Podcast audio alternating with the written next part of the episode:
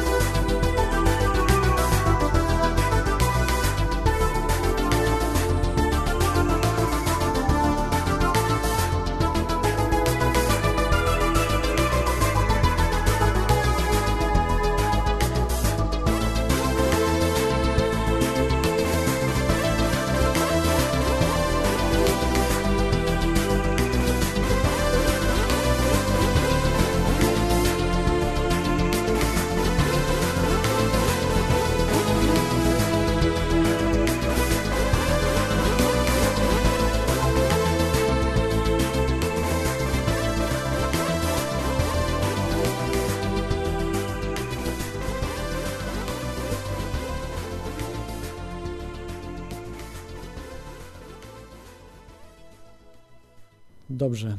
Jesteśmy z powrotem. I e, witaj Januszu, jesteś z nami w, w Teorii tak, Chaosu. Tak, bardzo się cieszę. Pozdrawiam serdecznie Ciebie i oczywiście słuchaczy Twojego radia. To kolejna osoba, która tutaj podejmuje wysiłek, widzę, żeby nadawać swoje własne live programy. To cieszę się, cieszę się. Tylko tak sprostuję, to nie jest moje radio, ja mam tylko w tym radio audycję, jest radio Kontestacja. No Także- ale jesteś tam, że tak powiem. Tak, no rozumiem. dziękuję właśnie też tutaj autorstwo, szefostwu tak. radia, że mnie y, no, przygarnęli, że tak powiem. Y, Dobrze. Y, Ja tutaj Ciebie przywitałem, ale tak chciałbym. y, Dziękuję bardzo za oczywiście aż nadto jakby miłe słowa, także tutaj oczywiście zawsze to się później trochę negatywnie od tych parę dobrych słów padnie pod kątem e, danego człowieka, to później to trochę rusza kolegów. No, ale, ale to jest prawda, bo po prostu no, wszyscy w środowisku y, wiemy, że zajmujesz się sercem, z pasją tymi zjawiskami i no nie odpuściłeś, prawda, przez ty- tyle lat. No nie, nie, nie, tak 20 lat już niedługo minie, a forum UFO, na które za 3, znaczy nie, za 3-4 godziny wyjeżdżam, to będzie 15 jubileuszowe, także tym razem po raz pierwszy w Warszawie, więc niektórzy mają mi za złe, że zostawiłem swój rodzimy Wrocław, a niektórzy się cieszą, że mają blisko właśnie, bo są z Warszawy czy z okolic. E, tak czy inaczej, myślę, że najważniejsze w tym wszystkim jest pewna konsekwencja, wiesz, y, dążenie do celu i robienie swoje. Robić swoje to jest moja filozofia zresztą od dawna. Mhm. No tutaj chciałbym, żeby, żebyście po prostu tak no, y, no, byli pełni szacunku dla, dla y, Janusza, że zgodził się, prawda, wystąpić y, tutaj, no, poświęcać swój czas y, be, bez żadnej zapłaty, gdzie, gdzie po prostu w, na, na, następnego Nie, dnia spotykasz się Tylko z tyle, legendą trzeba- ufologii. Chciałem jeszcze powiedzieć z drugą legendą, co prawda zagraniczną, z tamtego No, to już taką międzynarodową. My tu w Polsce Tak. możemy tam się, że tak powiem, różnie się tytułować, ale rzeczywiście w skali świata na, o nas praktycznie mało kto wie. Natomiast chociaż no, zapraszamy tych gości za granicę i dzięki temu jakoś tam też i myślę, że o nas, o Polakach tu i ówdzie ktoś tam zapamięta, ale Stanton Friedman niewątpliwie jest y, absolutnym super gościem w ogóle, jeśli chodzi o świat ufologii i tu w Polsce. Y, Myślę, że z tych nazwisk, które ja miałem przyjemność tutaj sprowadzać, no to, no to, no to Timothy Good to był 2006 rok, to był wtedy jubileusz dziesięciolecia Forum UFO, był gościem specjalnym, więc to jakby no, nazwiska może porównywalne. Hezeman, no to d- to 2000 rok z kolei, Millennium też był gościem specjalnym z takich nazwisk ufologicznych. No ale Friedman jest jednak rzeczywiście, można powiedzieć, postacią absolutnie y, tutaj y, topową i wydaje mi się, że też jest specyficznie ustawiony y, w ogóle ten, to spotkanie warszawskie, te 15 UFO Forum, takie bardzo, bym powiedział, pronauka, y, pro troszeczkę jakby świat polityki. Zresztą tutaj jesteś, wiesz, pierwszą osobą i twoi słuchacze, którzy właściwie dowiedzą się poza tym, że ktoś newsa przeczytał może na mojej stronce sprzed kilku godzin, y, że po raz pierwszy też w historii tej imprezy oficjalnym gościem, takim, że tak powiem, siedzącym na sali, ale oficjalnie zaproszonym, przybyłem ze strony czegoś, co nazwalibyśmy władzami, y, to się zdarzyć ma, będzie to, mm, będzie to przedstawiciel Sejmowego Zespołu do Spraw Kosmosu, ja napisałem, że nie chcę podawać nazwiska ze względu na to, że tu się jadka zaraz zrobi straszna polityczna, jak to w ogóle wyjdzie na wierzch, że to, że to w ogóle ktoś taki ma być na forum UFO. Wiecie, co się w polityce dzieje, ale y, taki, taki sympatyczny może gest, y, mały konekt między światem, który my uznajemy za kompletnie impregnowany na kwestię UFO, a, a naszym światem. Tak, no coś się zmienia po prostu y, w tym roku. No chciałbym jeszcze tutaj przypomnieć, że y, w niedzielę, tak? W niedzielę będzie UFO Forum w Tak, Warszawie. Tak, tak, Warszawie, tak, z tym Stanem Friedmanem, z pułkownikiem Grudmanem, z Dariuszem Kwietniem, prawda? Na twojej stronie, tak? Najlepiej się. Do... Czy jeszcze Tak, są bilety, bo. Januszakowski.pl jest tak, bo to Tak, wyrabiam się z, więcej z jedną stroną niż z dwoma i y, te takie różne komentarze czy newsy to wpakowuję w swoją osobistą stronkę januszzagórski.pl Dobrze. I, I z bilety są, tak? Czyli na przykład jakby ktoś chciał przyjechać. Sala jest duża, gdy ktoś chciał się za tego, no ktoś powie 60 zł, tak, słuchajcie, jest y, sam lot z Kanady do tutaj y, Warszawy w obie strony, to jest 3750 zł prawie. Mówię o bilecie, nie mówię o honorarium, nie mówię o wynajęciu sali, jeszcze paru innych Tak. ważnych kosztach, tak więc wprawdzie był sponsor, ale to wszystko jest za mało, więc bilet musi kosztować. Mhm. Ale Nie, warto, warto, bo jest to, jest to naprawdę jedyna okazja. On ma 75 mniej więcej lat, więc powiem Wam szczerze, nie przewiduję specjalnie, żeby drugi raz był. Jest po raz pierwszy w Polsce w roli y, ufologa. No, zdarzyło mu się w latach 80., że był tutaj na konferencji jakichś fizyków oczywiście jądrowych. To była głęboka komuna, stan, e, rejony stanu wojennego, postwojennego, a w roli ufologa oczywiście jest pierwszy raz i podejrzewam, że już chyba takiej okazji może nie być. Yy, No ja po, powiem od siebie, że ja jestem w szoku, bo zawsze było moim marzeniem, żeby się z, spotkać ze Stantonem Friedmanem. Natomiast no, do Stanów czy do Kanady się nie wybierałem i jakoś też w przyszłości się nie będę wybierał. No i, i, i muszę powiedzieć, że no jestem Tak, pod, po- pod głębokim wrażeniem, że, że, że po prostu to Stanton Friedman przyjechał do mnie, tak bym mógł powiedzieć. No, też tak, że wiesz, już tak, y, wiesz, że, że de facto się tam mnie zapytał, no a gdzie on tu w Europie jakoś turnę? Mówię, nie, on przyjeżdża tylko na dwa dni do Polski, do Europy i, na, i przyjeżdża w sobotę i wylatuje w poniedziałek o świcie, więc przyleci tylko do, do, do Polski jest- to jest i, i, i leci, także tylko dla nas przyleci. Także jedyna okazja tutaj, y, jeśli jesteście zainteresowani tematem UFO, to polecam właśnie tą y, konferencję, y, u, czy forum, UFO Forum, 15 UFO Forum Tak. w Warszawie. W niedzielę od 10, tak? To jest y, na Okęciu będzie w hotelu. Ale to znaczy to jest taki Airport Hotel Okręci, ulica mhm. z, y, z 17 stycznia 24.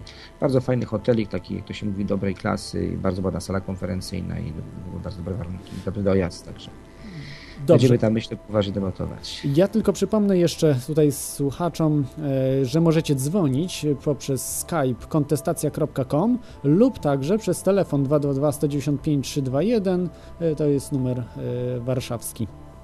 E, Dobrze, to ja może od pierwszego pytania zacznę, żeby Bardzo proszę, bardzo proszę, oczywiście. już tak mm, szybko polecieć, to zaczynam jak zwykle od trzęsienia ziemi. To jest właśnie, e, czy są relacje polskich pilotów i wojskowych właśnie w temacie UFO, czyli takich ludzi, którzy znają się e, no, na rzeczy, prawda? Nie, wiedzą, co mówią. Tak, tak, tak, wiedzą co mówią. Ja zresztą od początku, kiedy zacząłem się tym wszystkim zajmować, e, a zacząłem się mniej więcej w roku 90, 91, e, to właśnie miałem pełną świadomość, że wiarygodność świadka tutaj przy tym sceptycyzmie ludzi masowym jest absolutnie rzeczą no, priorytetową w tym procesie jakby oswajania ludzi z tym, z tym zagadnieniem.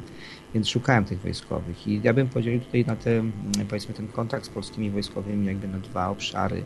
Jeden to są ci no, ludzie, to z nazwiska ich oczywiście wymienię, którzy no, nie bali się publicznie mówić o tych sprawach, a przynajmniej pytani przez nas odpowiadali na te pytania i ci, którzy w rozmowach prywatnych, jakie ja prowadziłem, nie tylko ja, bo wielu z nas tutaj w Polsce y, takie kontakty w ten czy w inny sposób, z, powiedzmy, no nie wiem, utrzymywało, czy udawało im się złapać taki kontakt, czasami incydentalnie. I oni oczywiście za tą swoją, że tak powiem, no, anonimowość absolutnie zastrzegali. Y, Jeśli chodzi o te nazwiska takie powiedzmy jawne, no tutaj najprościej, bo ci, którzy siedzą trochę w ufologii, to doskonale mm, wiedzą. Ja zresztą mogę mówić troszkę o kulisach, bo co innego jest coś przeczytać, y, jakiś wywiad, który żeśmy zorganizowali, a- a co innego jest troszkę też widzieć, jakie były kulisy, że się udało ten wywiad przeprowadzić, jak to się działo, prawda.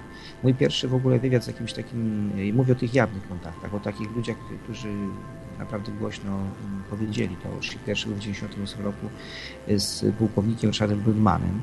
Y, Zrobiłem z nim wtedy wywiad w Warszawie, taki, taki nagranie, zresztą to jest w archiwum czasami nie pokazywane. I no, była to fajna sprawa, ponieważ on wtedy, słuchajcie, to był już ta nowa Polska, już parę dobrych lat. Myśmy go wyłapali, dlatego że wiedzieliśmy o tym, że kiedyś napisał artykuł dla takiego czasopisma wojskowego, y, to jest Wojsko, Wojsko Lądowe Obrony Powietrznej Kraju. Dla napisał taki artykuł właśnie o wojsku i UFO. Ja byłem szokowany, 86 rok, głęboka komuna, on pisze po prostu w czasopiśmie wojskowym, y, takim branżowym, właśnie o takich przypadkach, że pojawiły się dziwne obiekty nad poligonami, więc odszukałem go jakimś sposobem, nie pamiętam, no i zgodził się, byłem zdziwiony, przyjechałem i wystąpił u mnie w mundurze. Y, Niektórzy mieli przyjemność oglądać jakby ten wywiad w różnych jakby fragmentach czy całości, rzadko w całości, w całości to może nie, tak nie był wyemitowany. Y, No i on siedzi w tym mundurku elegancko, pułkownika, y, naprawdę zresztą bardzo ładnie się prezentuje. Ja miałem olbrzymią satysfakcję, że w zasadzie chyba jestem pierwszym tutaj y, Polakiem, który prowadzi wywiad o UFO z wysoką, z osobą wysokiej rangi wojskowej która siedzi prawda, i w mundurze o tym rozmawia. Taki mały smaczek, wiesz, no, nikt- na kimś to nie musi robić wrażenia, no, na mnie to robiło i, i to było tak. Zresztą pułkownik nigdy nie widział osobiście, podkreśla to zawsze, tego żadnego takiego obiektu, który my nazywamy UFO.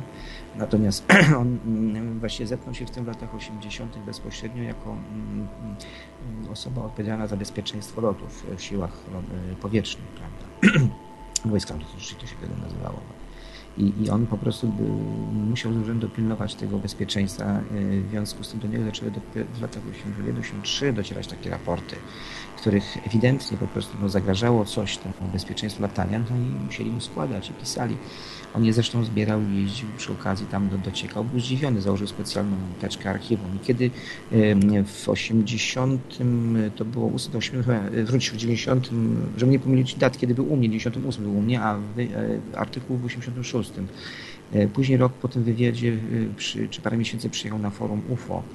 To było właśnie w 90, też chyba 8 roku, pamiętam, to drugie forum. I on e, czytał te raporty, słuchajcie. Czytał te raporty, jak wiecie, nawet to było trochę nudnawe, no bo jak to raport wojskowy, tam najbardziej spektakularne pamiętam, to było nad lotniskiem, kiedy około 100 osób widziało dziwny obiekt, który de facto przemieścił się na bardzo nie, niedużej wysokości od lotniska, przed, przed manewrami, przed ćwiczeniami. Zresztą te ćwiczenia już się przerwano, tam wyskoczyli cała była załoga na ziemię i tak dalej. On tak leciał to w, kształcie cygara, był y, nawet jakiś taki dym ze sobą zostawiał. Więc tam to mnóstwo ludzi to widziało, to zostały przerwane te, więc to, była, to było bardzo ciekawe doświadczenie, właśnie mówię, spotkanie z pułkownikiem i on tych raportów miał więcej, on między innymi jeszcze Mierzęcin, że tak powiem, wtedy wprowadził, tam, tam siedem maszyn wziął udział w tym incydencie, to był 1979 rok, koniec sierpnia. Mm, e, Podał sporo ciekawych szczegółów. e, Potem dużo bardziej wzbogacił to e, po wielu, wielu latach w sumie major świętej pamięci major Jurek Makieła, o którym tu za chwileczkę zupełnie osobno jeszcze będę musiał powiedzieć. Ale pierwszym człowiekiem w Polsce, który, że tak powiem, mając tytuł wojskowego, zaczął o tym mówić i to były odległe dla nas czasy, rok 58-60, on widział UFO, tak naprawdę to opisał generał Apoloniusz Czernow który, czyli on był bezpośrednim świadkiem takich zdarzeń. Ja do niego dotarłem, pamiętam, e, dzięki właśnie panu Ryszardowi, bo pan Ryszard e, wspomniał mi o generale i że oczywiście dobrze się znają. No to ja na bezczelnego jak zawsze dzwonię do, do, do ściągnąłem go wtedy pamiętam na 99 rok na trzecie UFO Forum. No to była też bratka absolutna. E, Wtedy generał, oczywiście on jest w stanie oczywiście już na emeryturze, więc wiadomo, nie był czynnym generałem, ale znakomicie się, znakomicie się trzymał i pamiętam jego prawie godzinne wystąpienie, zresztą też nawet w archiwum już wydałem taki, taki, taki jego specjalny tylko jego wystąpienie i to naprawdę duży ciężar ratunkowy. Bo po pierwsze on trzy razy widział osobiście latając migami, raz leciał z kolegą, raz maszyna kolegi leciała obok niego, więc widział manewrujący obiekt, e, bardziej w kształcie właśnie tego latającego talerza, jarzący się, prawda, który raz z lewego skrzydła, raz na prawe, raz na lewej, czy jego skrzydło tam bardzo szybko manewrował, trochę świecił, później się oddalił. Takie typowe rzeczy. Mm, Widać, czy jak ta narracja mówię, generała była tak naturalna. On, on, on to wtedy jeszcze pamiętam, bo były publikacje kolegów, pamiętam chyba Brony Grzepecki gdzieś tam przed laty, laty jeszcze przede mną y, pisał oczywiście o nim. Y, Pisał jeszcze paru innych polskich ufologów, bo gdzieś on to opublikował, y, te swoje obserwacje, ale żeby wypowiedzieć się na żywo przed ludźmi, prawda, i przed kamerą, no to ja miałem tą satysfakcję, że y, przed takim dużym forum, gdzie tam gdzie 200-300 osób na sali, no to wszystko powiadał, to naprawdę miało duże pole rażenia. Mm, Poza tym, co jest ciekawe u generała, że on też sporo wiedział o tej fenomenie e, od kolegów. E, e, Znakomite informacje podał od, dotyczące obserwacji dosłownie obiektów latających, z, z, nawet opowiadał o takim incydencie, który, o którym dowiedział się od jakiegoś do, dobrego kolegi, czyli radzieckiego w tamtych czasach kosmonauty. Na forum o tym opowiadał, jak mu tam po nie kielichu oczywiście, to najczęściej takie rzeczy już tam opowiadali sobie w ten sposób po cichutku, tak żeby nie słyszał. E, Opowiadał dosłownie historię, że, że, że, widział, że widział ten radziecki kosmonauta, po prostu obiekt tam za salutem po prostu obcy z jakąś taką dziwną głową w takim okienku, co brzmi jak bajka. Ale nie miałem podstaw, żeby w, w ogóle mm, wątpić w jakiekolwiek słowo powiedziane przez, przez pana Apoloniusza. Również opowiadał o katastrofach, jakie miały miejsce na terenie Polski, które zdarzyły się w taki oto sposób, że samolot y, wlatywał w chmurę i po prostu znikał. Robiła się panika. Nie, nie pamiętam szczegółów, to już też nie wszystkie pamiętam szczegóły, mówił tak ogólnie przekrojowo, ale podawał chyba nazwę i rok, kiedy to się stało. I potem drugi samolot wystartował, żeby no, szukać e, zaginionego w powietrzu, bo samolot nie spadł. No i drugi samolot też leciał w chmurę i też nie spadł i nigdy go nie znaleziono, więc e, e, oczywiście tam później były jakieś, no musieli, musieli to jakoś uzasadnić. Tak. katastrofa, oczywiście ciał nie znaleziono. Nie było żadnej katastrofy, no prawdopodobnie zdarzyło się coś najgorszego, to znaczy maszyna przepadła w jakąś, jakieś dziurze czasoprzestrzennej, według mnie to najprędzej została po prostu najnormalniej tak porwana i dla jakich celów zawłaszczona, dla jakichś celów zawłaszczona. Więc e, mówię, ale to były bardzo historyczne postaci, to znaczy y, jeden i drugi jakby swoje wiedzieli, swoje widzieli i jak gdyby też no, nie pracowali specjalnie dla tej sprawy. No, jak ktoś, jak ja ich wyciągnąłem i poprosiłem, żeby opowiedzieli tą swoją historię, swoją wiedzę nam podali, to to zrobili. Nie zdobywali tej wiedzy nadal. Natomiast y, cały czas mówimy o tych osobach, które się jawnie, że tak powiem, tą, tym UFO zajm, no, jawnie się jakby pokazały. Mm, taką osobą, która właśnie stwarza olbrzymie nadzieje i żeśmy się bardzo polubili w ogóle. Tam to mieliśmy do czynienia tylko z kontaktem od czasu do czasu, wywiad w forum, a tutaj Jurek Makieła, major pilot, y, przyjechał w 2005 roku, oczywiście nie znaliśmy go wcześniej, do Wylatowa, który jak, jak wiesz bardzo intensywnie mhm. przez całe lata tam siedziałem. No i tak się zakochał, że tak powiem, może w naszych dziewczynach, przepraszam, trochę żartuję, bo on już był po rozwodzie, a e, u nas w bazie było mnóstwo ludzi fantastyczne, wiadomo, dziewczyny i Polki tu przyjeżdżały w różnym wieku, on już się, wiek emerytalny też już miał, ale jeszcze tak, tak, że tak powiem, no absolutnie, już nie pamiętam, tam 60 chyba nie skończył, to wojsko to się na temperaturę szybko przechodzi. Tak, tak, tak. No i jak zobaczył nas, zobaczył te piktogramy z samolotu, bo po raz pierwszy to jak, bo w mediach było dużo tych piktogramach, wiadomo, tym bardziej on w Poznania był, nie? No gdzieś kupla nam mówił, jak się pojawił piktogram ten y, z 24 lipca 2005 roku, ten ostatni wielki taki na polu pana Górnego. Wtedy po prostu namówił kumpla i przeleciał samolotem nad tym piktogramem. Zresztą później nam opowiadał, nie? No, był zauroczony. Nie? No i później przyjechał do bazy no i zakumplował się z nami. Nie? Dużo nie trzeba było czekać. Y, zaczął po prostu nam przynosić historie, które właściwie rozpoznawał z, poprzez ostatnie tygodnie. No, dosłownie jak zaczął, zobaczył to, to go jakby tknęło. Nie? I zaczął już na własną rękę szukać. Myśmy o czym podali, mówiliśmy o Mierzęcinie, o Gudmanie. On zresztą odbył y, takie spotkanie, to było jedyne spotkanie w historii Polski. Opowiadał mi, że się trzech ludzi, mi tak się to mi fajną przyjemność, zrobił taką przyjemność, mówi, wiesz co, tych ludzi, których wymieniłeś w liście do prezydenta, akurat to był list do prezydenta, ale był list do prezydenta Kaczyńskiego, gdzie ja wymieniłem tych trzech oficerów, to znaczy właśnie e, generała, pułkownika i majora Makiełę i, i on po prostu, jako trzech, którzy mówili jawnie UFO, byli odważni, prawda, odważni po prostu oficerowie. No. I mówi, że wiesz, że ja doprowadziłem do spotkania nas trzech i to było takie jedyne spotkanie, nie? gdzie w liście do prezydenta jesteśmy wymienieni, tak żartowaliśmy ale właśnie on zaczynał wyciągać kapitalne historie i one ja już tak skracam, one się oczywiście nie tylko opowiadał już w Latowie, na tych, bo jeszcze w 2006 roku przecież był w akcji, ale też na forum się pojawił i wydaje mi się, że to co on nam pokazał, y, tak w skrócie, tak kulisy wam powiem.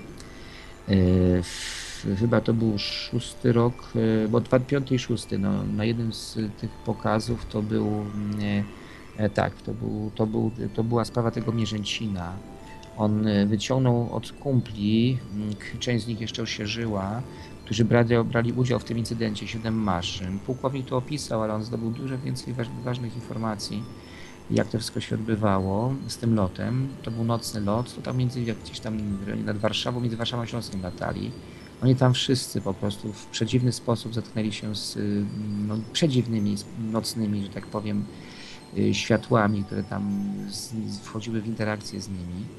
E, przykładem tego, że to był szok dla nich wszystkich było to, że jak lądowali, mm, wszystkie siedem maszyn zerwały opony, więc to był ewenement, zresztą z tego powodu komisja później wojskowa to badała, ale to nie było ważne, że zerwali, tylko to było z jakiegoś tam już się stresu. Oni po prostu widzieli pewne rzeczy, a najważniejsze, jeden z tych pilotów mm, z siedmiu maszyn e, robił zdjęcie tym fotoradarem. To słynne zdjęcia, które on wyciągnął od byłego dowódcy tej bazy, Mówi, wiesz, no musiałem nieźle tam się z nim napić, żeby te zdjęcia wyciągnąć. Ten dowódca bazy po prostu, jak ten incydent miał miejsce, schował te prawdziwe zdjęcia z tych fotoradarów, nie, nie dał jej tej komisji, dał jakieś tam inne i przez to całe życie to przechował. A Jurek po prostu, no słuchajcie, już tego nikt nie szukał, no, on to trzymał, a Jurek na niego się napatoczył, znalazł go i wyciągnął niego te zdjęcia.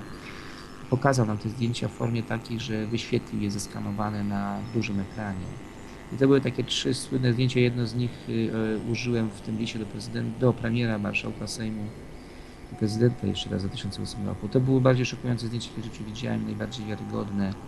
Ono pokazywało um, z fotoradaru właśnie z Myśliwca 3, to było to były zdjęcia nocne, to są plamy światła, ale on fachowo to interpretował, mówię, że rozmawiał też z fachowcami od oceny zdjęć lotniczych tego typu z fotoradarów. Pokazywał podziałkę, jakie tam kilometry są i mówi, widzicie ten obiekt jeden mówi, no to będzie 3 km, ten ma 5 długości, a ten mniej więcej 12. No więc po prostu to był szok, bo my to wiedzieliśmy z różnych tam, nie wiem, opisów, świadków, że są jakieś potężne obiekty wielkości miasta, ale się rzadko zniżały, to mogły się zdarzać, bardzo rzadko się zdarzały takie opisy, a tu nagle ktoś nam serwuje zdjęcia, opowiada o, o całym, wiesz, takim, tym całych kulisach, tam są szczegóły, to trwało gdzieś z 20-30 minut, jak on mówił wtedy, pamiętam, w remizie strażackiej miał ten pokaz. To było naprawdę przejmujące i, i drugą rzecz, jaką wyciągnął, to, było, to były takie, mm, no, było trochę takich fajnych drobiazgów, które on wyciągał. Aha, pamiętam, to była afera, to było też w Latowie, bo on po prostu, przy, słuchajcie, ci, którzy znają historię trochę tych UFO w Polsce, była taka głośna sprawa UFO nad Naderzecami. E, To jest poligon wojskowy, no, Wielkopolska, niedaleko Poznania. I tam w roku 90, znaczy żeby drugi albo czwarty, przepraszam, bo też ta pamięć mnie zaczyna zawodzić, to były artykuły w ogóle prasowe w, w, w wojskowej prasie, w żołnierzu wolności, ile pamiętam, albo coś w tym stylu. Pamiętam, bo chodziłem do czytelni chyba Osoliny Oversoli specjalnie, żeby te numery odnaleźć i to wszystko spokojnie sobie przeczytać i porobić wyciągi. To były niesamowite zdarzenia opisane przez wojskową prasę. No i on oczywiście, tam zresztą w prasie tej wojskowej było napomknięte, że jeden z żołnierzy miał kamerę i nakręcił to, prawda? No i on wtedy przyjechał w Latowie, by mówił chłopaki, to chyba w 2006 roku mówiąc, chłopaki, wiecie co, no mam to, mam to, mówi tak, pokażę wam film, y, prawdziwe śledztwo, jak, jak prowadzili polscy oficerowie, polscy wojskowi w sprawie UFO. Ja mówię, no kurczę, masz to, no mówię, mam. No i pamiętam w pokoiku tam u Szpoleckich, w tym, wiesz, tam żeśmy siedzieli, chyba z 10 osób, żeśmy no też nie chcieli wszystkim, chciał sobie tylko sami swoi, że tam nie było, to wiadomo, że nie było poruty, nie, bo to są tajne materiały, od wyciągów gdzieś tam ze archiwów. No i, no i oglądaliśmy to, słuchajcie, no, yy, później to pokazał na takim większym spotkaniu, gdzie było może z 50 osób, ale tylko fragmenciki małe, on szybko wyłączył później, bo Grzesiu Brożek taki, no, kabarecia, że tak powiem, największy polskiej, polskiej sceny UFO para, zaczął to po cichu filmować pokryjomo, więc on to zauważył i przerwał w ogóle wtedy tą prezentację, ale ta prywatna całkiem, no to całą żeśmy oglądali. No, co było fascynujące? No nie to może jak to UFO sfilmowano, bo to było takie już taka, taka, taka marna jakość, że tam właśnie nic nie było istotnego widać, on jest tam. ale to jak on pokazywał, słuchajcie, jak polscy, pamiętam pułkownik i kapitan latają z kamerką, wiesz, i przesłuchują świadków y, obserwacji UFO, y, dokładnie tak robią jak, jak i my to robimy, prawda? Też trochę też widać, że nie mają jakichś talentów większych, filmowych nie mieli, więc to tak ta kamerka ustawiona, to, wiecie jak to się robi z, z, de facto z zewnętrznej kamerki, jeszcze co schody mieli gdzieś tam mieć kwalifikacje. Nadarzyła się niesamowita sprawa, przysłali z ministerstwa, pamiętam y, wtedy majora, y, nazwisko oczywiście też gdzieś tam leży w archiwum, który po prostu latał tam z jakimś jeszcze innym oficerem i filmowali te Jurek poszedł śladem tej sprawy na Darzyc. On go bardzo go bolało, że mówi, poszła taka oficjalna później konkluzja tej komisji, którą on w tym całym filmie, oczywiście to było, w nagraniu to było, tych wojskowych, y, kiedy oficerowie, w życiu widziałem, jak polscy oficerowie chodzą i robią wywiady w mundurach o UFO ze świadkami, więc to w ogóle był event dla mnie, pan fascynująca. Tak bardzo chciałem mieć ten materiał i, i tam wiedziałem, że Jurek prędzej czy później by to nam może w jakiejś formie to jeszcze, gdyby nie zmarł, nagle zmarł, to myślę, że jakbyśmy w przyszłości, może dzisiaj już to oglądali, nie? No, ale on go bolało go, że ta konkluzja tej komisji była taka, że, że tam była mm, dyskoteka w miejscowości chyba Ozimyk, żeby nie pomylić. Może po, pokrewna nazwa.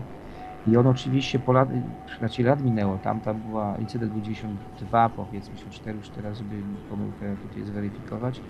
A tu mamy 2006 rok, kiedy on z tym jeździ, bada to osobiście, to co przeprowadził w tych nadarzycach i był w szoku i słuchaj, no ta dyskoteka, którą później uznano za winowajcę tych świateł nad poligonem, czy pamiętajcie, oni tam dwa samoloty wysłali z, z Krzesin y, pobliskich, żeby ten obiekt namierzyć, nie? Więc było mnóstwo ludzi to widziało. No mi słuchaj, to jest 40 kilometrów od tego lotniska, gdzie w ogóle widziano to UFO, była rzeczywiście dyskoteka. On dotarł do faceta, który był organizatorem takiego, tego no, nie wiem, cyrku objazdowego i ten cyrk miał tą aparaturę. To w ogóle była dosyć nędzna aparatura, y, nie aż taka powiedzmy jak teraz nowoczesna i w ogóle on pytał jak ona miała zasięg, jest miała zasięg na poziomie tam no te 2-3 kilometry tutaj w jakimś kącie, w ogóle, to- no, w ogóle to gdzie Rzyma, gdzie Krym, wiesz, na tej zasadzie, nie? Mhm. Szokowany, że, że jak może ta dyskoteka mogła posłużyć za przykrywkę, żeby Sła- Sławie łeb ukręcić, wiesz? Tak. On zresztą chciał dalej to badać. Aha. Y, Januszu, słuchaj, tutaj na czacie są właśnie, e, no ja nie powiem, e, ale w, w Radiu Kontestacja są raczej ludzie, wiesz, bardzo sceptyczni, tak Mhm. twardo stojący po ziemi Nie ma i sprawy, ja generalnie no, Yy, Tak, jest takie pytanie konkretne, że yy, no, uważają na przykład słuchacze, że owszem, że UFO może być jakieś, ale na pewno nie są to kosmici. Że yy, to je, jedna rzecz, a druga rzecz była, że yy, no, co to właściwie było? Czy, czy uważasz, sam uważasz, że to było coś z kosmosu, czyli że byli to kosmici? Właśnie To znaczy tak, no jeśli ja się w ogóle cieszę, że jesteśmy dzisiaj na etapie, że w ogóle to UFO jako samo zjawisko zostało w jakiś sposób zaakceptowane, że ono w ogóle istnieje. Bo y, przez wiele lat to nawet y, i, i, i, dla części ludzi oczywiście nie oznacza przybyszy z innych światów, czy z pozaziemi, czy, czy, czy w ogóle tak zwanych pozaziemskich, ja to rozumiem, ale cieszę się, że w ogóle jest, jest y, zaakceptowany fenomen, którego w jakimś sensie ludzie, którzy tam do Ciebie teraz pytają, internauci, no nie są w stanie do końca zrozumieć. Natomiast dlaczego ja powtarzam z uporem maniaka, że za częścią, to, to słowo za częścią chciałem tak bardzo, bardzo mocno właśnie wobec sceptyków uwypuklić, bo to jest jasne, że za częścią tych manifestacji w mojej ocenie, nie tylko się moje, no ale odpowiadam za siebie, y, kryją się rzeczywiście istoty spoza naszego świata.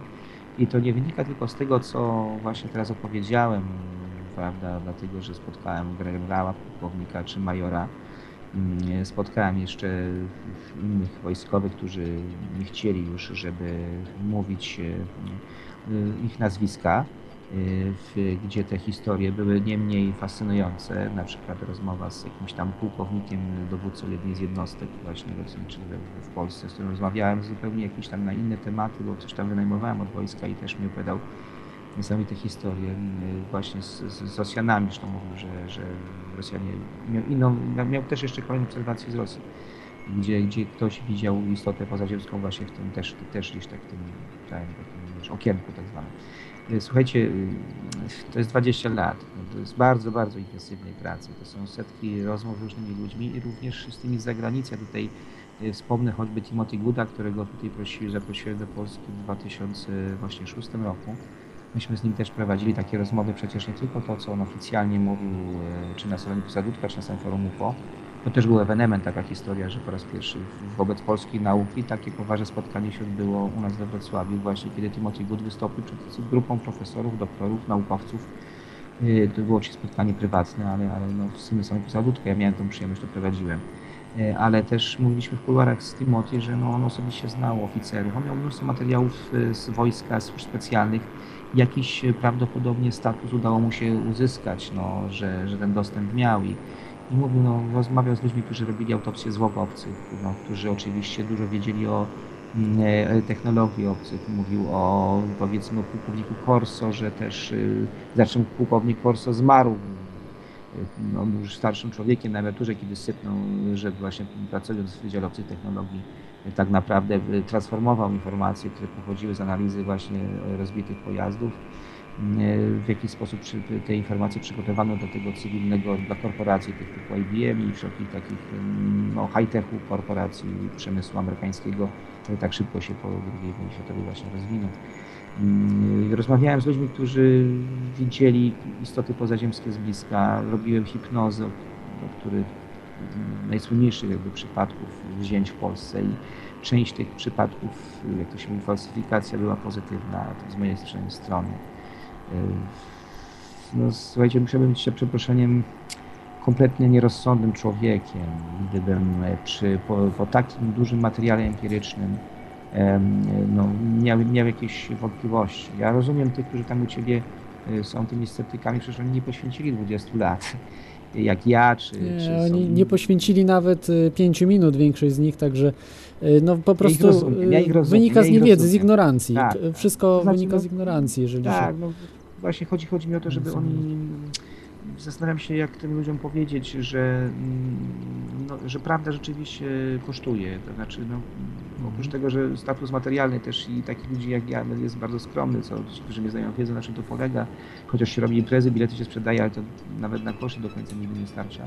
Jak się zbilansuje przez rok wszystko, ZUSy, nie ZUSy. Natomiast no, po to się to robi, żeby wiedzieć, żeby mieć pewność, żeby jak już teraz rozmawiam tu u Ciebie na antenie, jak mnie ktoś tak pyta i takie wątpliwości sieje, to ja mu mówię w twarz, tak proszę kolegi, proszę Pani, proszę Pana, y, z całą odpowiedzialnością powtarzam, że za częścią tych y, fenomenów kryje się UFO. Poza tym no też jak byłem teraz w Zurichu w 2009 roku tej konferencji u Billy Ryana, dokąd zmierza świat, też zaprzy- no, poznałem się bliżej z Billim, który, który tak notabene, on ma też swoje bardzo osobiste, bardzo ciekawe przeżycia. Szczegółów nie znam, ale wiem, że dotyczą jakiegoś zetknięcia z czymś nadzwyczajnym, ale on przecież, jak wiecie, projekt Camelot, to przepraszam. gigantyczne rzeczy. Przepraszam Januszu, mamy telefon. Odbiorę telefon. Tak, proszę, bardzo proszę. E, Okej.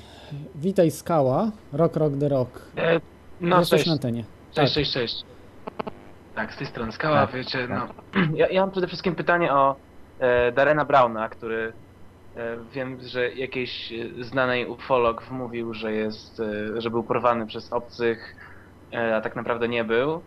I podobno jest w tym bardzo dobry, jest dość on znanym sceptykiem, jeżeli chodzi o różne zagadnienia. E, jak się pan odnosi do niego? E, Mówisz o, e, e, jak w którymś momencie zrozumiałem, Dan Brown, mówisz o takim... Darren powiedz- Brown. A, Darren. Brown. Taki kuglarz, no taki, taki e, tak, psycholog tak. chyba, tak, e, hipnotyzer. Wiesz co, ja ci powiem, ja bliżej jakby tutaj nie znam tej jego aktywności, bardziej pamiętam, wiesz, Filipa Klasa z jego, mm, powiedzmy, takiej ba- bardzo profesjonalnej działalności sceptycznej. Y, Jeśli chodzi o ludzi, którzy, jest też ten człowiek, który rzeczywiście wyznaczył tą nagrodę, e, jak on się nazywa, w ogóle dla kogoś, kto mu udowodni, że jakiekolwiek zjawiska paranormalne istnieją. Zapomniałem To jest chyba ten sam zresztą. no Randy, o właśnie, o widzisz, Randy, wyciągnąłeś tak, mnie, Randy, to jest tak. tak, zapaści tutaj Randy, pamięci Randy. Natomiast y, tego, tego człowieka gdzieś tam mi się obią uszy i nie, nic nie potrafię powiedzieć, od razu przyznaję, jak czegoś nie wiem. Natomiast ten status ludzi, którzy są tymi zawodowymi sceptykami, właśnie jak- Randy czy, czy Philip Glass, em, to, znaczy ja y, sceptycyzm ludzi, którzy mają bardzo dobrą pamięć, doskonałą zdolność do racjonalnego analizowania sytuacji jest bardzo silny i jest trudny do obalenia. E, Pamiętam jak Filip Klas twardo obalał e, właśnie e, sprawę tych materiałów MJ12, które ujawnił, które otrzymały James Shandera oraz właśnie został do tego Stanton Friedman wprowadzony i Friedman podjął się e, publicznej debaty, wielokrotnej zresztą właśnie z e, tym Filipem Klasem jako sceptykiem. I to jest bardzo trudna y, gra, ponieważ trzeba być bardzo dobrze przygotowanym od strony takiej metodologicznej, fachowej, naukowej. Friedman wygrał tą batalię, ale gra z sceptykami polega na tym, że oni rzeczywiście na przykład, y, powiem wam na czym polegał problem z tym, z tym y, kwestionowaniem y, tych, materi- tych, mar- tych rolek filmowych z, z, dokumentacją tą pierwotną od 12. A na przykład, że on mówił, że tutaj się używa takich zwrotów, które albo, albo czy, których nie używało się generalnie w, w, w tej poczcie, że tak powiem, służbowej w tamtych czasach, prawda? W, w, jeśli chodzi o wymianę do, komunikatów, depesz y, w dowództwie przykład sił powietrznych, czy, czy w jakichś tam innych strukturach, y, powiedzmy, amerykańskich. Albo na przykład, że czcionka, która tam jest y, w ten sposób wygląda, y, widać wyraźnie, że to jakby nie ta maszyna, y, takiej maszyny wtedy nie używano i tak dalej, nie? I Filip Klas był zdolny do tego typu argumentów, no miał, potrafił, że tak powiem, w tym stronę jechać. I, ym, I przeciętny człowiek w zasadzie, no, no tak, no przecież te dokumenty muszą być sfałszowane, ale jeżeli ktoś taki jak Friedman, no, cieszę się, że wraca do niego, podejmuje rękawice, to on do tego stopnia działał, albo na przykład, jeszcze trzeba wymienić artykuły, jeden z y, też argumentów sceptyków, Klas podjął taki, taki argument, że y, że jeden z y, uczestników tego, tej grupy MJ12, y, że on y, po prostu zawsze był y, zawodowym, absolutnym ufosceptykiem. Em, Taka znana postać, w ogóle wybitny profesor i naukowiec. No więc jak on mógł się znaleźć w tej grupie 12 osób, które wtedy z tego przecieku, prawda, w tym mikrofilmie wyszło, że on jest tym członkiem, był miał 12 członków, to była historyczna już sprawa. Materiały wyszły w latach 80., wyciekły. I, I co robi, co robi Friedman? No musiał dotrzeć do tylu różnych miejsc, do tylu różnych dokumentów, które wykazały, że, że ten profesor, uszło mi na chwileczkę też nazwisko, bardzo ważna sprawa. Menzel, Don. Donald Menzel. Menzel, o widzisz, Tak. to, to wszystko widzisz, Menzel, to doskonale pamiętasz. I, I w tym momencie on wykazał, że Menzel po prostu prowadził podwójne życie, że już pracował ze służbami specjalnie przed wojną pracował, później w czasie wojny i później po wojnie był doskonałym człowiekiem, który bawił się tym, że kwestionuje, y, kwestionował publicznie UFO, wyśmiewał, robił mnóstwo różnych publikacji wyśmiewających zjawisko UFO, a jednocześnie był członkiem grupy miał 12. On to udokumentował, że tak, on był takim człowiekiem i opracował dla służb, on się doskonale czuł w tej roli, prawda, ośmieszania, jednocześnie by, bycia wtajemniczony. On był kryptologiem, tam miał przeróżne y, przeróżne, że tak powiem, pasje, wiedzę i profesjonalną.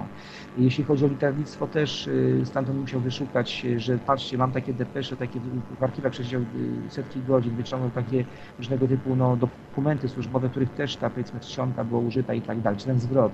Więc ze sceptykami niewątpliwie taki jest to, jest to trudne, trzeba być takim dociekliwym pasjonatem. Tak, ale ja myślę, przepraszam, że ci y, przerywam, bo mamy już mało czasu dosyć. No. Y, Nie wiem, czy zadowala cię taka odpowiedź. Y, No, nie- Tak, tak, tak, tak, okej. Dobrze, y, to ciebie zrzucam. Znaczy ja powiem szczerze, no ja wobec tego wszystkiego jestem całkiem sceptyczny, nie? Bo tak Mhm. no, ciężko mi w to wszystko uwierzyć. No. Zapa- Ciężko jest, znaczy powiem tak, Co- powiem wam w ogóle, podpowiem wam coś, nie? Tak z punktu widzenia sceptyka, bo nic przeciwko wam nie mam i mimo, że w to, to kompletnie nie wierzę, to uważam, że należy poszukiwać prawdy i jeżeli mnie do tego ktoś przekona, to od razu się do tego przekonam po prostu, no jeżeli zobaczę jakieś dowody konkretne. Na No razie dobrze, a, bardzo fajnie, że tak Wiem. mówisz. Ja, ja Ale tak- mówię, no. Ale chciałbym tylko wam tak podpowiedzieć, że po prostu czasem musicie trochę mniej szokujących informacji naraz dawkować. Ale to jeszcze nie były szokujące, szokujące będą na Też nie koniec. są szokujące. To jest na razie, to jest To jest w jest cały czas dla, dla, dla, dla takiego... Nie, to są, słuchaj, to, to, to, to szokujące, które ty usłyszysz. Mhm. To jest, to, co tu rozmawiamy, to jest przedszkole. Dlatego, wiesz, No dobrze, no, w takim razie słucham dalej. nie, nie, naprawdę, wiesz, to my rozmawiamy o wojsku, wiesz, o, o świadectwach poważnych instytucji. Yy, Proszę Cię bardzo, no odpowiedz sobie sam na takie pytanie. Yy, Jak to możliwe, że przez sumie 20-30 lat, bo tak wynika z dokumentacji ogłaszanej przez, w ciągu dwóch lat opublikowanej przez Ministerstwo Wielkiej Brytanii, w sposób tajny zajmowali się praktycznie tym tematem. Czy Ty uważasz, że to są jacyś kretyni, za przeproszeniem, którzy prze, przez 20, potrzebują 30 lat, żeby, żeby, żeby badać coś, czego nie ma? I przecież oni po dwóch, trzech latach badając fenomen UFO są dokumentowali w oficjalnych archiwalnych, to są oficjalne rządowe dokumenty w tej chwili brytyjskie. I wy myślisz, że to są kretyni, którzy nie mogą w ciągu dwóch lat ustalić, że za UFO to się kryją tylko i wyłącznie żarty, tylko i wyłącznie zjawiska astronomiczne, tylko i wyłącznie jakieś może, nie wiem, no, eksperymenty wojskowe obcych wo- wobec Wielkiej Brytanii mocarstw, no bo bez przesady przecież oni chyba wiedzą, kto co dysponuje, jeśli chodzi o Rosjan, Chińczyków czy Amerykanów, którzy są ich sojusznikami. Czy to są kretyni, przepraszam za taką o, tutaj wypowiedź, oni, im, im, im bało było dwóch, trzech lat, potrzebowali 30, żeby oficjalnie już pod publikę teraz zakończyć i stwierdzić, że oni już teraz tych badań dalej nie będą prowadzić, bo fenomen UFO nie zagraża bezpieczeństwu e, Wielkiej Brytanii. To jest w ogóle kategoria nie to, że, że, że nie, wiadomo, nie ma odpowiedzi, co tym się kryje, tylko że nie zagraża bezpieczeństwu. Taka jest konkluzja oficjalna ministerstwa. To przez 30 lat zajmują się po prostu no, to kretyni, no. Jak tego Znaczy, nie ma, no, się... Znaczy mówiąc szczerze, to, to w dużej mierze uważam, że tak, to są kretyni, ale to inna sprawa. Znaczy, No dobra, no inną, czekać. inną sprawą jest to, że po pierwsze musiałem to sprawdzić, żeby odpowiedzieć, bo ciężko jest Nie, ale zobacz sobie, wejdź sobie na Ja stronę... po dużo, dużo mniej wiem oczywiście na ten temat, nie? Więc no, U, ujawniło w, w ostatnich latach właśnie ministerstwo. Tak, to przecież całe yy, plansze szły, ale to nie tak. tylko oni. y, Wojsko. Chile odjawniało, wiesz, do archiwa. Słuchaj, to są, wiesz, znaczy polega problem na tym, że w telewizorze, wiesz, wiadomościach, faktach, wiadomościach i tych mainstreamowych mediach o tym się nie mówi. Jak nie ma w telewizorze, to mimo nawet, że jest na rynku informacyjnym, bo jest, y, to po prostu no, tego nie ma, no, bo to musi być w głównych wiadomościach. Jak nie ma w głównych wiadomościach, to że tego nie ma. Nie, jak głównych wiadomości akurat nie oglądam. Mam ciekawsze media. No i tak tam o tym nie było. Jak było, to w formie trochę żartu. Znaczy było takich trochę newsów, ale wiesz, tam z przymrużeniem oka, wiesz. Dobrze, to ja Znaczy, może... no wiadomo, jest bardzo, bardzo dużo dez- dezinformacji. No ja staram się na to patrzeć, no tak w miarę obiektywnie, przynajmniej tak mi się wydaje, ale no, no nie jestem przekonany jak na razie. No ale Nie, ja cię rozumiem, ja nie wymagam od ciebie, ja po prostu tylko chcę ci powiedzieć, że wiesz, ja i mnóstwo ludzi ci oświadczają to i to, a historia, przyszłość stwierdzi, czy mieliśmy rację, my, czy ci właśnie sceptycy, no.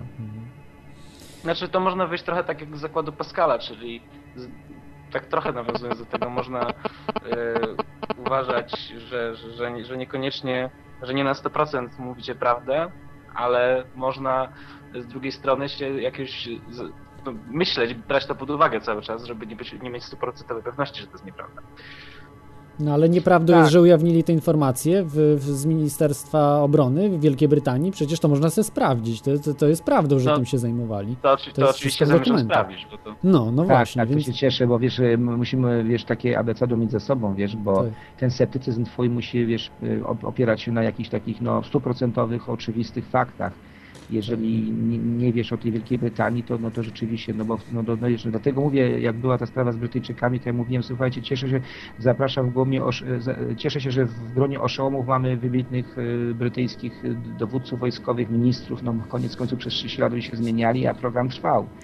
I to są tysiące stron, wiesz, to są takie raporty trochę podobne do naszych, tylko tam byli ludzie, którzy mieli kasę i wiesz, i środki na to, żeby chodzić i robić ankiety. Przepraszam Ciebie Janusz, ale jeszcze w Stanach też były przecież te programy, przecież też kilkadziesiąt lat, nie wiem czy 20 czy ile, ale też bardzo długo te, te Blue Book się to No tak- przecież, tak- słuchajcie, jak tak. będzie Stanton Friedman, to co On wszystko Friedman, dokładnie no? odpowie, przecież on to, to Friedman.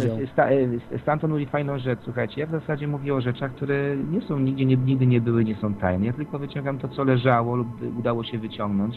I jeśli chodzi o to, co ty mówisz, Błękitna Księga, ona ma ten, ten raport ostatni. To jest raport, który był nieogłoszony publicznie, tak do mediów, ale był jednak opublikowany, więc dla tych wszystkich, którzy są no, szperaczami dokumentów, w sposób jawny i legalny docierali do tego raportu Błękitnej Księgi.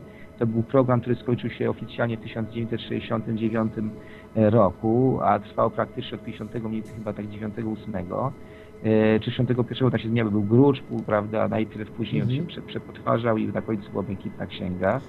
E, Więc e, w ogóle to się w pale nie mieści, że oni już wtedy jakby przyznali, że, że jest coś konkretnego, czego oni nie ma, nie, nie jest ich, ale to nie zostało nagłośnione we właściwy sposób, tego prezydent nie ogłosił, więc tego nie ma, no. Telewizja musiała jeszcze ogłosić. Znaczy, mówiąc, mówiąc szczerze, to mi tak najbardziej intuicyjnie, to tak bez, bez większego decydowania, nasuwa się takie rozwiązanie, że e, to wszystko ze strony rządu jest robione pod, pod, pod tym względem, że po prostu wyciągnąć pieniądze od podatników i sobie je gdzieś ukraść i na to się tworzy fikcyjne programy.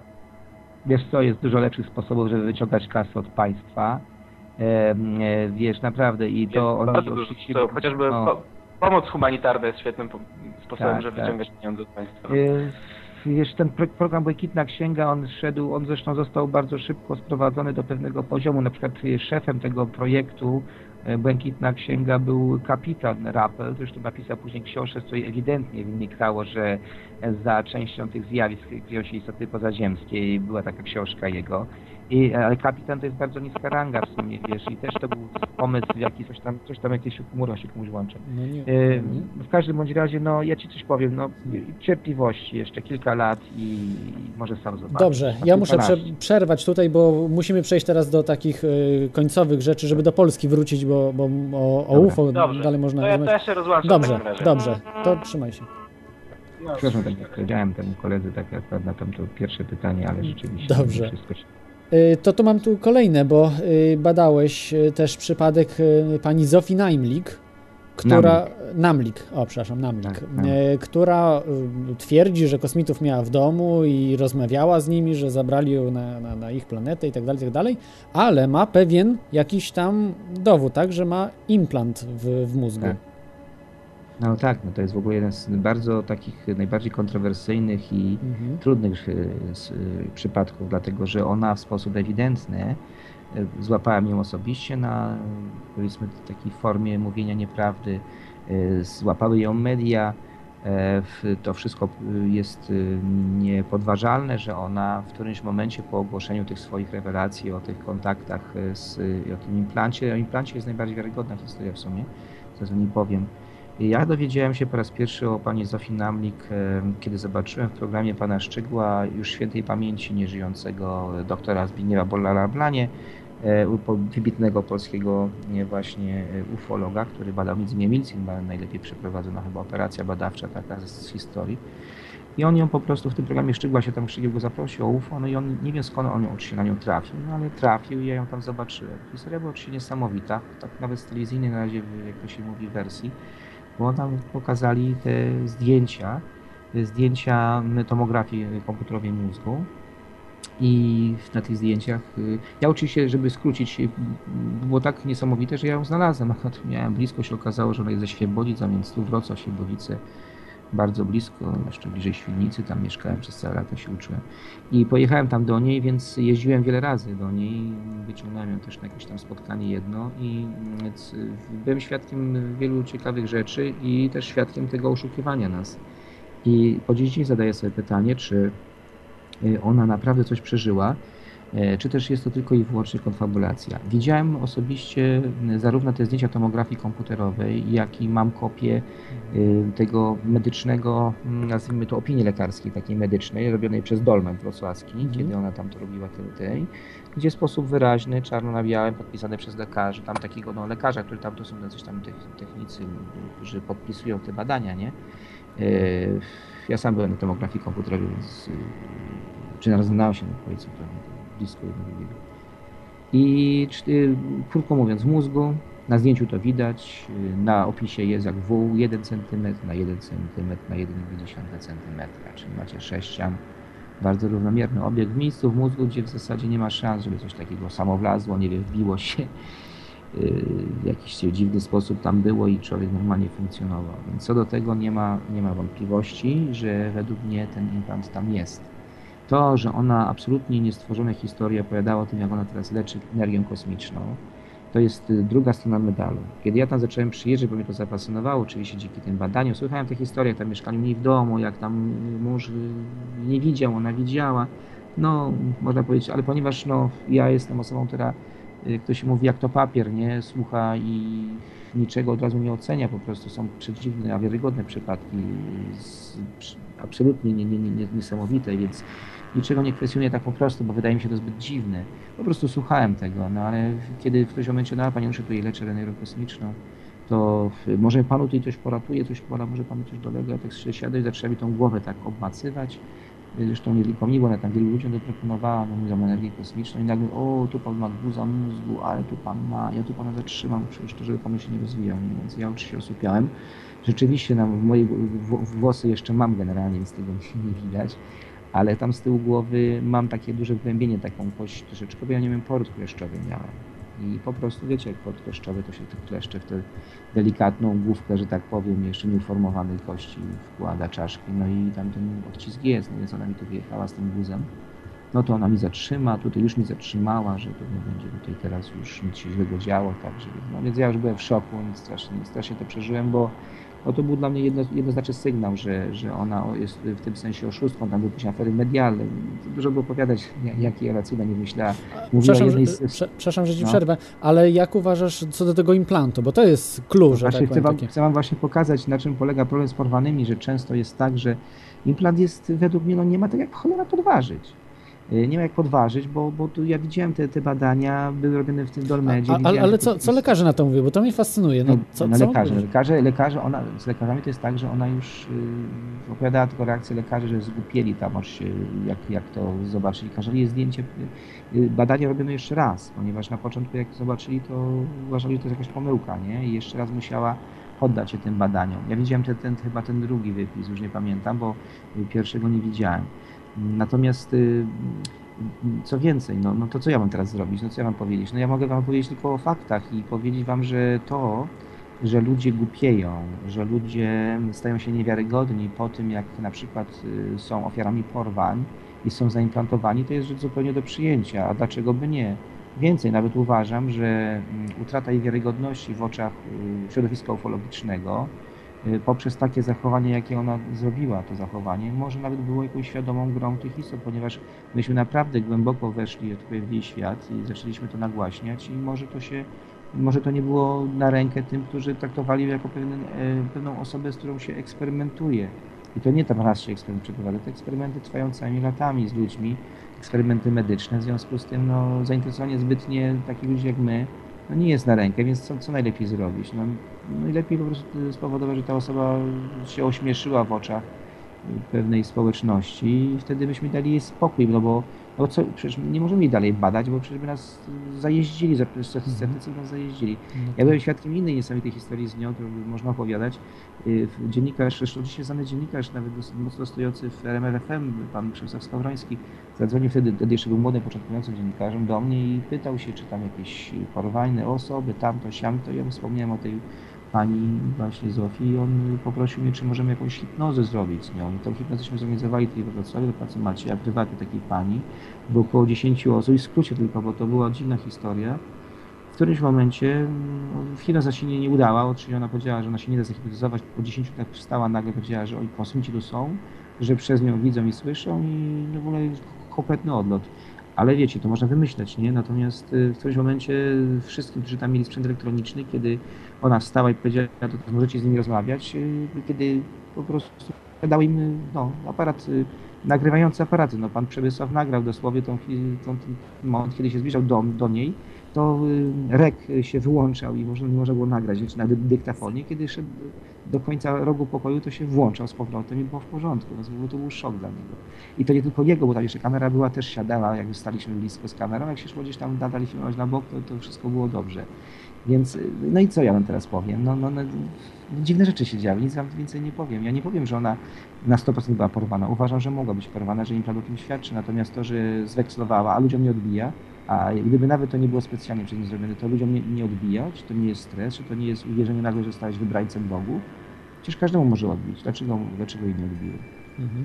Ja tu jeszcze tylko taką jedną kwestię chciałem y, się dopytać do, do tego przypadku. Czy to y, mogli na przykład zrobić jakieś tajne służby ziemskie, normalne, wojskowe, po prostu jakie, jakieś zabawy tutaj właśnie robią z tymi implantami, czy, czy no nie, nie wiem w jakim celu, ale Tak, poruszasz ważny problem, ponieważ ja się zetknąłem oczywiście z takimi sytuacjami osób, które przychodziły do mnie i mówiły po prostu, że one mają, że one są, że tak powiem, kontrolowane mm, e, ich umysł przez coś rodzaju albo implantu, albo oddziaływania na odległość przez urządzenia. E, Kilka takich spraw miałem. I widać było wyraźnie, że czasami to, znaczy za, za każdym razem to mogło oscylować wokół sprawy z, z, z tajnymi jakimiś służbami, ale gdzieś tam jednak ten wątek y, UFO się też mimo wszystko pojawiał.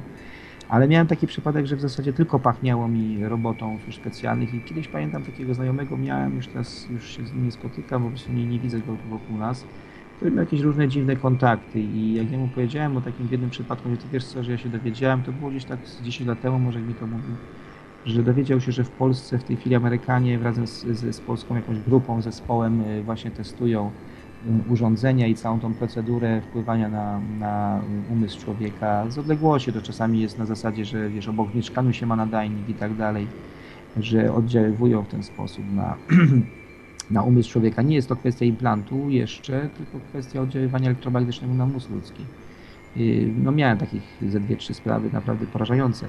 Natomiast y, to, że wojsko uczestniczy w, implan, w, implan, w implantowaniu właśnie ludzi, no to głównie z amerykańskiej literatury, prawda, wiemy za, naj, naj, najczęściej. No, no o polskich tak wprost nie słyszałem, tylko w takim kontekście, o którym mówię, nie? O wpływaniu na umysł ludzki i wmierzeniu się w to w jakieś grupy. Ale porządek to jest tak, mały zespół, amerykańska jakaś grupa specjalna, szkoli tam, nie wiem, czterech, pięciu ludzi w Polsce, nikt nic o tym nie wie, to przecież kto będzie o tym wiedział poza tą grupą. I, i tylko tyle. No dobrze. Y, Będziemy już powoli y, kończyli, bo zbliżamy się już do godziny. Nie chciałbym Ciebie, y, Januszu, przetrzymać, No, bo jednak tak, to tak, jest szkoda, ważna ja tak lubię sprawa. się rozgadywać, bo tam tyle tych historii przerobiłem, a tutaj właściwie tylko niewielką część żeśmy omówili. Tak. Y, No możemy zaprosić, y, no bo ja też y, muszę Wam powiedzieć, pomimo, że mieszkam za granicą i to kawałek, będę na tym UFO Forum. No i mm, się zobaczymy wtedy. Także jak może chcecie wybrać się, to, to myślę, że warto. To jest jedyna taka okazja, żeby spotkać Stantona Friedmana i zobaczyć, co ma naukowiec, bo on jest fizykiem nuklearnym w wysokiej tak, klasy okazji specjalistą. popytacie może o japońskie sprawy, Tak. Y, ale będzie też, słuchajcie, to myślicie, że łatwo jest y, spotkać pułkownika Grundmana publicznie, który O. mówi o tych raportach. Y, To Sze- jest szefem ruchu drugie- lotniczego, prawda, był, no to, to, to tak, jest... tak, bo właśnie to był tak zwany szef bezpieczeństwa. Ruch lotniczy to, to właśnie odpowiadał za bezpieczeństwo, ja o tym wspomniałem. W latach 81, 84 y, y, wtedy był tym, tym właśnie szefem bezpieczeństwa Tak, lotu. co on ma do powiedzenia No bo z nami to mogą, prawda, sobie sceptycy dyskutować, ale niech porozmawiają, prawda, z, z pułkownikiem. Tak, K- ale niech Lotnictwa, próbują- które całe życie la, latał na samolotach. tak, tak, tak. I, I powie tak, słuchajcie, tego się nie da normalnie wyjaśnić. To, co on wie z tych raportów, które Tak. A, mu a ktoś mu mówi, a to był y, piorun kulisty. No, No, który to jest tak metaliczny, mówiło się. który w dzień leci i ma y, kształt, który nie przypomina w ogóle żadnej A, kuli. No to, to był złudzenie optyczne. Tak, no sceptycy mają zawsze na... na tak, na wszystko. Wenus, planeta, gaz błotny, wszystko. Na, na, na, na każdą... I Na co- każdą okazję tak, mają tak. 100 argumentów. Wiem o tym. Wiem. Tak, ale no to też jest kwestia dezinformacji, bo jednak jest trochę dezinformatorów, może niekoniecznie w Polsce, no ale na pewno y, za granicą, w Stanach Zjednoczonych szczególnie to... No właśnie, to, jak y, przypomniałeś o tego Menzla, ja go tak referowałem, wiesz, zastanawiałem się nad ludźmi w Polsce, którzy, którzy na przykład y, no, wiedzą o UFO, a jednocześnie są takimi zawodowymi sceptykami, y, czy to robią z pasji, czy solidnie mają płacone. My tutaj często poruszamy tematy związane z, wigila- z inwigilacją środowisk Mhm. ufologicznych właśnie w Polsce. Ona ma naprawdę szeroki charakter wedle Tak. tego, co nam się udało ustalić. Są fascynujące tematy. To i- już następny raz, y, następnym razem Tak. chyba o tej inwigilacji, bo to można cały odcinek zrobić o inwigilacji, Cały odcinek tylko, tak, tylko tak, właśnie tak. ufologów i Ładnie. no to cóż, no to chyba będziemy kończyli, No prawda? mam nadzieję, że tam mieliśmy troszkę słuchaczy i jest jakaś Tak, słuchacze są, ale boją się jednak, bo to jest inaczej, prawda? Na czacie łatwo jest coś tam napisać, prawda? Na, na bzdurzyć, na, na, na powtykać, ale natomiast zadzwonić to jest to bardzo trudno. No ale jeden słuchacz się odważył. Tak, sceptyk, tak i bardzo, także- bardzo ja mu bardzo oso- osobiście dziękuję, Skała. że, że się odważył. Yy, także, no, jeszcze raz, może jeszcze parę słów tylko o tym UFO Forum. Ja, jeżeli mógłbyś tak, y, Januszu, powiedzieć, No więc zachęcić. tutaj ja chcę zwrócić uwagę, słuchajcie, oprócz tego, co wymieniliśmy, o czym będzie mówił sam Stanton, no Stanton będzie mówił o sprawie nauka właśnie, a, a sprawa UFO, a będzie mówił jakby o całym takim warsztacie naukowym, który jemu się udało użyć w tych badaniach, ale też w ogóle obserwuje, że można używać. No i drugi, m, bardzo ciekawy, intrygująco brzmiący tytuł Roswell, decydujący moment. Y, On będzie poka- on, on, on przepiękną batalię w sprawie Roswell. To jest jeden z największych znawców y, w świecie sprawy Roswell. E, On oczywiście toczył bój intelektualny z, z, z, z armią tych, tych ludzi, którzy preparowali w mojej ocenie całą tą historię w, raporcie, w tym raporcie z okazji rocznicy 50. Roswell.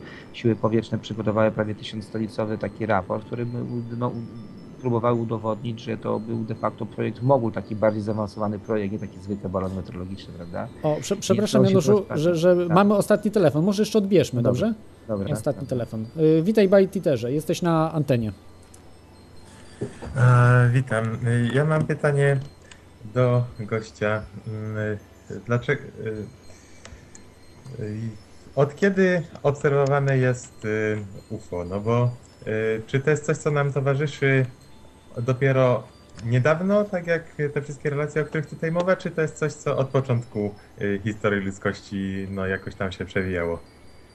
No, kapitalne pytanie. Zapewne znasz sporo na ten temat jakichś materiałów czy literatury. No, oczywiście część ufologów e, takich bardziej o sceptycznym nastawieniu raczej, raczej woli się tak zatrzymywać na tych, na tych latach. Powiedzmy, że Charles Ford już takich e, jakby współczesnych, znaczy współczesnych, to jest, to jest na 100 lat w tył, już opisywał takie, takie e, dziwne właśnie obiekty i zjawiska. Wtedy jeszcze pojęcie UFO nie istniało. Natomiast ja należę do tych ludzi, którzy szeroką ręką y, sięgają do literatury mm, traktującej o mm, pradawnych czasach.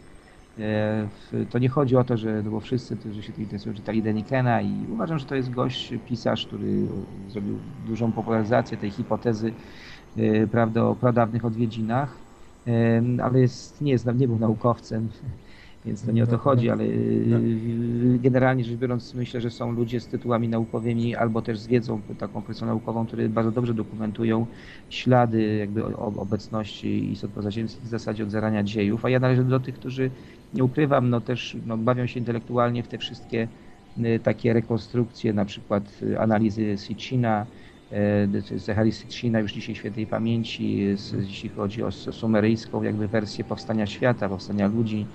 No, robimy konferencje często, gdzie, gdzie Davida na przykład, tego mam nadzieję już zaprosimy do Polski niebawem.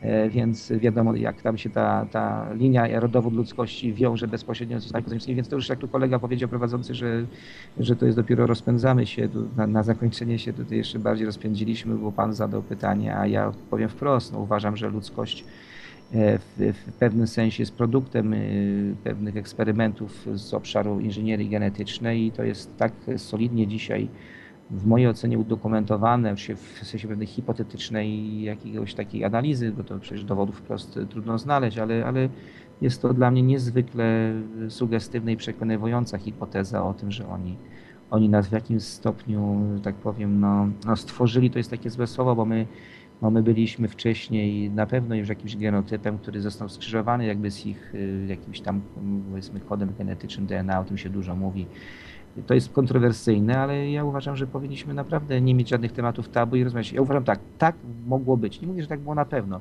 Tak mogło być i warto postudiować takie właśnie wersje historii. Także znaczy, są od początku.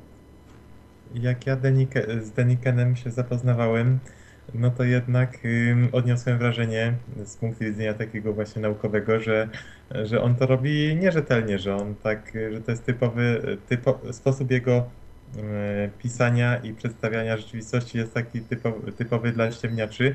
No i było demaskowane nieraz w jaki sposób Słusznie, on to robi, jak tak, na przykład było, podaje, tak. podaje, podaje y, fotografię, reprodukuje fragment fotografii tak. tej płaskorzeźby y, z, z, Egi z Egiptu starożytnego, tak gdzie y, niby tam jest jakaś tak, jakieś takie prostokątna forma i tam na dole y, coś wylatuje, jakieś gazy, że to jest startująca rakieta. Y, no, tymczasem, gdy się zobaczy całość tego obrazka, którego on nie reprodukuje, to tam na górze siedzi sobie ptak. No więc ptak siedzący na startującej rakiecie to jednak mało realnie się wydaje. No znaczy, tu się zgadzam z panem co do tego, że Deniken mnóstwo błędów takich szczegółowych, empirycznych popełnił. A to jest manipulacja e... chyba nawet, bo on chyba znał całość e... tego. Ja myślę, ja myślę, ja myślę, ja myślę, że to jest raczej taka nadinterpretacja. To się powszechnie wszystkim zdarza, że jak już jakąś hipotezę chcą za wszelką cenę udowadniać, to pewnych faktów nie, do, nie, nie doceniają, inne pomijają i czasami to jest takie nie do końca świadome kłamstwo, bo w nauce mamy też powszechnie taką tendencję do udowadniania swoich hipotez i pomijania argumentów, które tą hipotezę obalają. Dlatego wspomniałem o Zecharii Sitchinie, ponieważ to już była inna po, która, która się miała doskonałą znajomość języków semickich, historię środkowego prawda, wschodu i, i doskonałą znajomość też y, tabliczek sumeryjskich odkrywanych, tego pisma klinowego, co nie znaczy, że też jego się nie oskarża, że tutaj błąd, tam błąd. No nie ma takiej osoby, która by w takiej dziedzinie jakby jakichś błędów nie popełniła. I tym bardziej, że to są osoby dość pojedyncze, natomiast cała armia naukowców nie przyjmuje takiej wersji historii. Proszę zobaczyć y, na przykład na, na sprawę y, tych no, wykopalisk archeologicznych. Ja miałem przyjemność zapraszać do Polski Michaela Kremo, współautora słynnej książki Zakazana archeologia, który pokazuje naukowe dane chowane hmm. przez, ty, wiecie o co chodzi, a sprawa gigantów na przykład, która teraz y, troszeczkę wyszła, y, widzieliście choćby w prasie już chyba indyjskiej, pamiętam, były takie y, zdjęcia, to, to się nie przedostało do normalnego obiegu mainstreamowego, naukowego w Europie czy w Ameryce, no po prostu bo to uderza w oficjalną wersję historii ludzkości. Jeżeli mamy wykopaliska i to nie jedne, gdzie, gdzie medycznie z, z no, istotami, z, z, całym szkieletem mającym 7, 6, czasami 8, 9 metrów długości, to, to oglądacie te zdjęcia, one nie są, że tak powiem, sfałszowane wszystkie. Tam może kilka się było zdarzyć i, i, i co, i co z tym? No, no, no to, to też jest dowód na to, że coś tam... No. Ale kto, kto ma taką moc, żeby zabronić? No, na przykład w tej chwili jest mowa o tym na antenie kontestacji i nikt nie przychodzi i nie mówi, a nie mówcie o tym, bo to nie, nie wolno w yy, Europie o Prze Przepraszam, Bajtiterze, pogadaj z archeologami, wiesz, y, którzy znają się na archeologii właśnie. To, to zakazana archeologia to jest ciekawa sprawa, tylko właśnie najlepiej rozmawiać z kimś, kto jest y, w temacie i kto jest wykształcony w, w, w tej sprawie i, i, i czytał te rzeczy. Są, tak, tak. Ja, ja byłem na spotkaniu z takim profesorem z Solipca Dudka, który prowadzi badania, polskie badania w Chinach, tam gdzie jest trakotowa armia, w tym rejonie Xi'an. Zresztą nie wiem, czy pan, który teraz rozmawiamy, ma świadomość, że tam niedaleko dosłownie od tej e, terakotowej armii, która jest czymś absolutnym efementem w filologii i historii, jest potężne miasto piramid, które zresztą Hauser swego czasu zdążył to objechać, obfotografować. W ogóle w mainstreamie praktycznie o tym prawie nie ma, no to są śladowe jakieś rzeczy, żeby w ogóle o to wspomniano, a sam profesor opowiadał mi o swoich badaniach i otwartym tekstem mówił, że jeśli chodzi o y, podziemne, cały kompleks, to miasto, mityczne miasto, labirynt tak zwany, który tam jest obok, to on jest, oni wiedzą, nawet naukowcy wiedzą, tylko no, nie, nie kopią, ponieważ istnieje podejrzenie, bo tam w tych, ten kronikarz chiński z pierwszego wieku naszej ery, który opisał tamte e, właśnie czasy, e, mówił, że tam znajduje się choćby e, no, w tym labiryncie rtęć, prawda, które symuluje morza ówczesnego świata, rozkład mórz i no, rtęć, no wiadomo, jest trująca, więc znaleźli argument, żeby tam nie kopać. I to mówi profesor polski z, z całym zespołem i w tych takich już kuluarowych rzeczach to wychodzą rzeczy no absolutnie niesamowite dotyczące historii świata. Po prostu ja jestem zszokowany, że wy tak po prostu kupujecie tą mainstreamową historię prawie bez zastrzeżeń, widzę. No dobrze, ale o tym to jeszcze y, nie wiem, czy wystarcza y, taka odpowiedź, bo musimy po prostu kończyć. Przepraszam was, ale. No tak, ale... ja muszę się Tak, jakoś położyć tak. spać na chwilkę i, i fajnie w ogóle się tam widzę, rozmawia i fajnie tam ludzie No, dzwonią. Widzę, Myślę, że jeszcze, y, jeżeli by tylko zechcesz, y, Januszu, to Znaczy ja jestem do dyspozycji, często- wiesz, to jest kwestia, jak tam ktoś będzie chciał za jakiś nieodległy Mhm. czas, będziemy robić, y, cały czas siedzimy w czymś, więc wiesz, no. Tak, no, Chciałem tylko powiedzieć o- taką ostatnią rzecz może, że yy, nie, nie, że jest przykład na yy, też yy, pozytywne nastawienie yy, powiedzmy społeczności i, i te, coś, co jest znane w mainstreamie i społeczność naukowa też patrzy się na to, no jeżeli nie wszyscy przychylnie, to przynajmniej nie z dezaprobatą, mianowicie program SETI, który zwykli użytkownicy teraz mogą na swoich komputerach tego klienta SETI at Home instalować i uczestniczyć w poszukiwaniu kosmitów.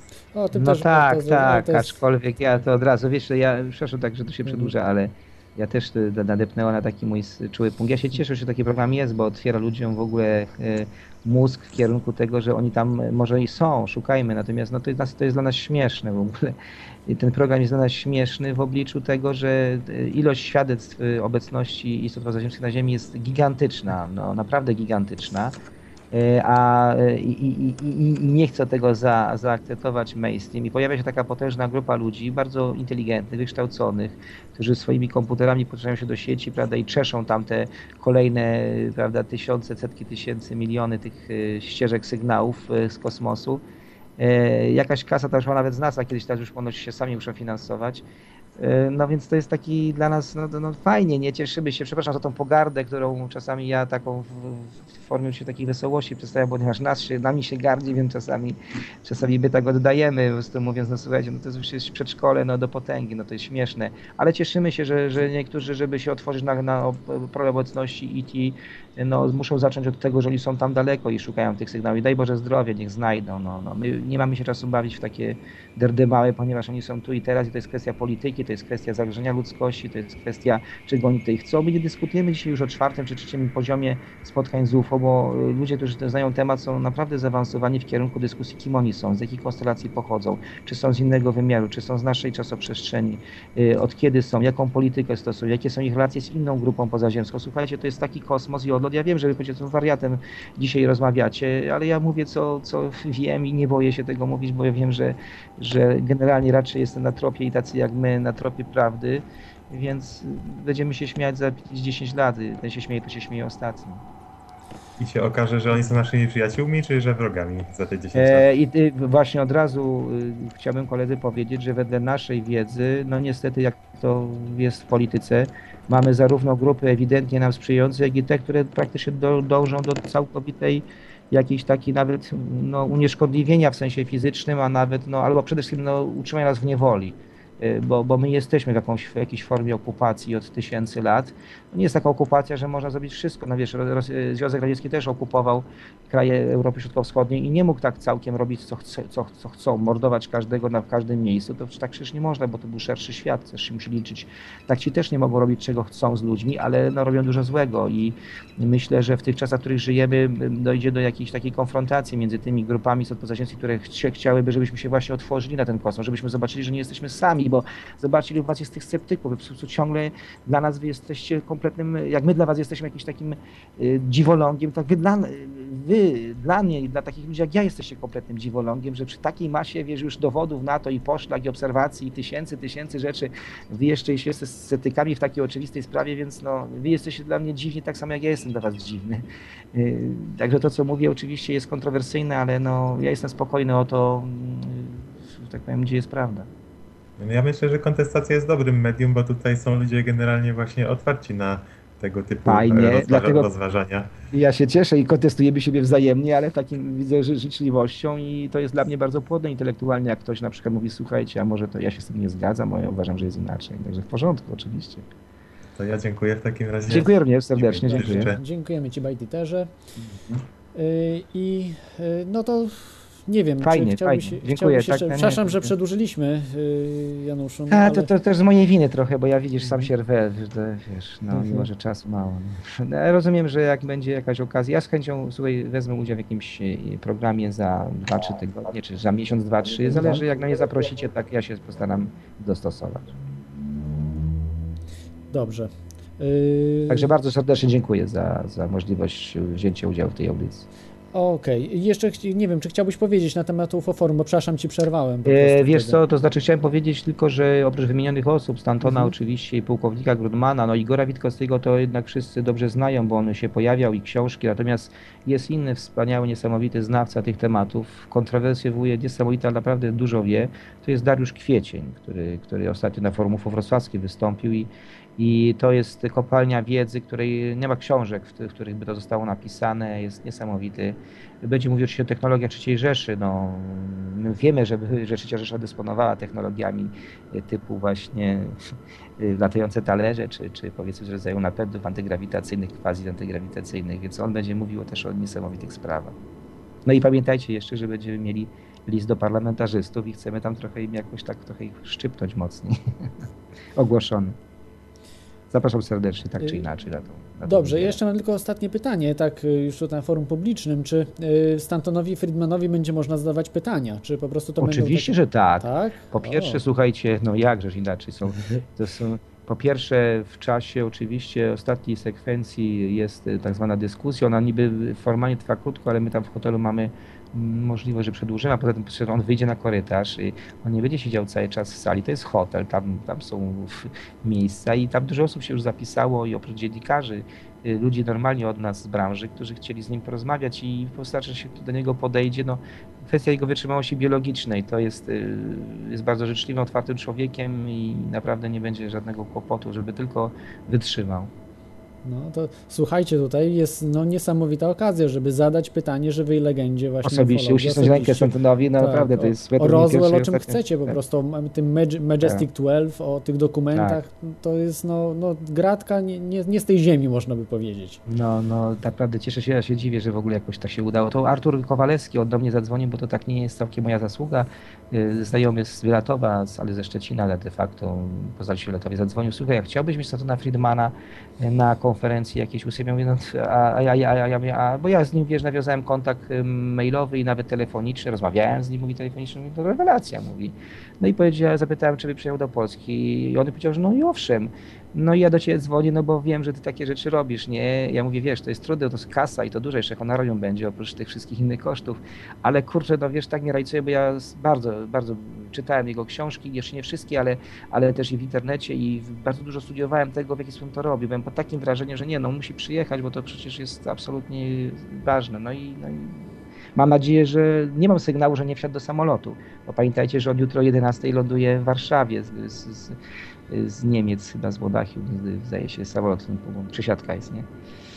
Także no chyba jest wszystko dobrze, no i w niedzielę się spotkamy. No dobrze, dziękuję Ci Januszu za Dziękuję bardzo, cały, dziękuję Ci bardzo. za cały program i tutaj właśnie, że spotkałeś się z nami i zapraszam Was do zapraszam Was y, za tydzień o tej samej porze i y, no trzymajcie się ciepło. Cześć. Dziękuję jeszcze raz, dobranoc.